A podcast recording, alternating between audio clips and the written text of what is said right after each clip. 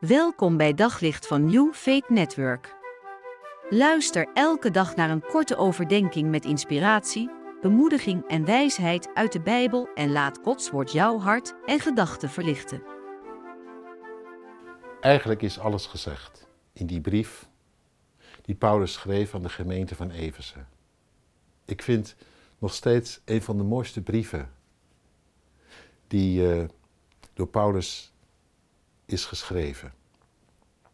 Een van de mooiste brieven ook om te lezen, omdat er zo ongelooflijk veel in naar voren komt.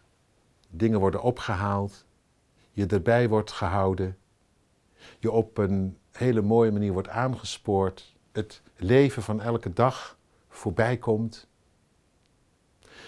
En dan, ja, dat laatste, dat is eigenlijk misschien wel het mooiste.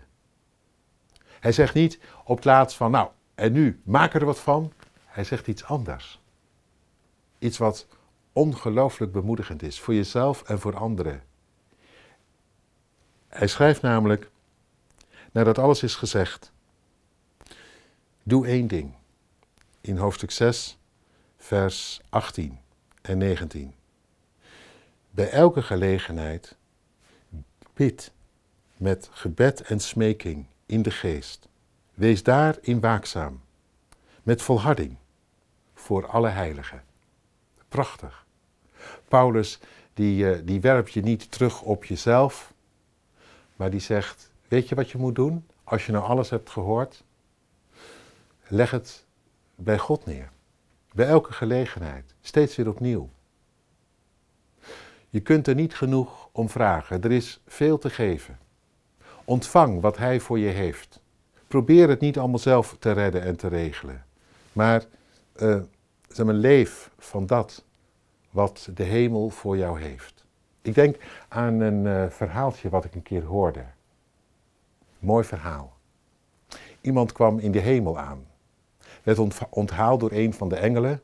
Die zei, joh, kom even mee. Ik wil je eerst iets laten zien voordat we uh, doorlopen.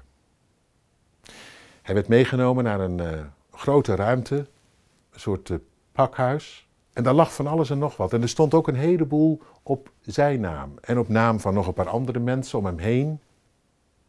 Hij zegt, wat doen die dingen hier? Waarom zijn die niet opgehaald? Ja, zei die engel, dat heb ik me ook altijd afgevraagd. Waarom heb je die niet opgehaald? In je gebed, in je voorbeden. Ze zijn hier blijven liggen terwijl ze voor jou bestemd waren.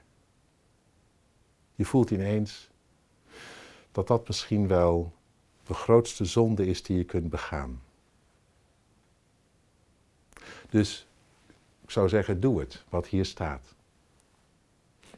Bid voor jezelf, bid voor de ander. Haal op wat er op je ligt te wachten, wat voor jou is bereid, wat jou is toebedeeld.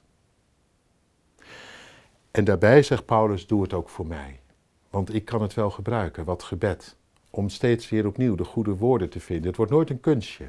Het blijft geschenk. Om gezegend tot zegen te zijn. Nou ja, ik vraag het nu gewoon ook maar even aan jou, aan u die luistert. Als je toch aan bidden bent, denk af en toe ook aan mij. Dank je wel. Op zoek naar nog meer geloof, hoop en liefde. Op New Faith Network vind je honderden christelijke films, series en programma's. Nog geen lid?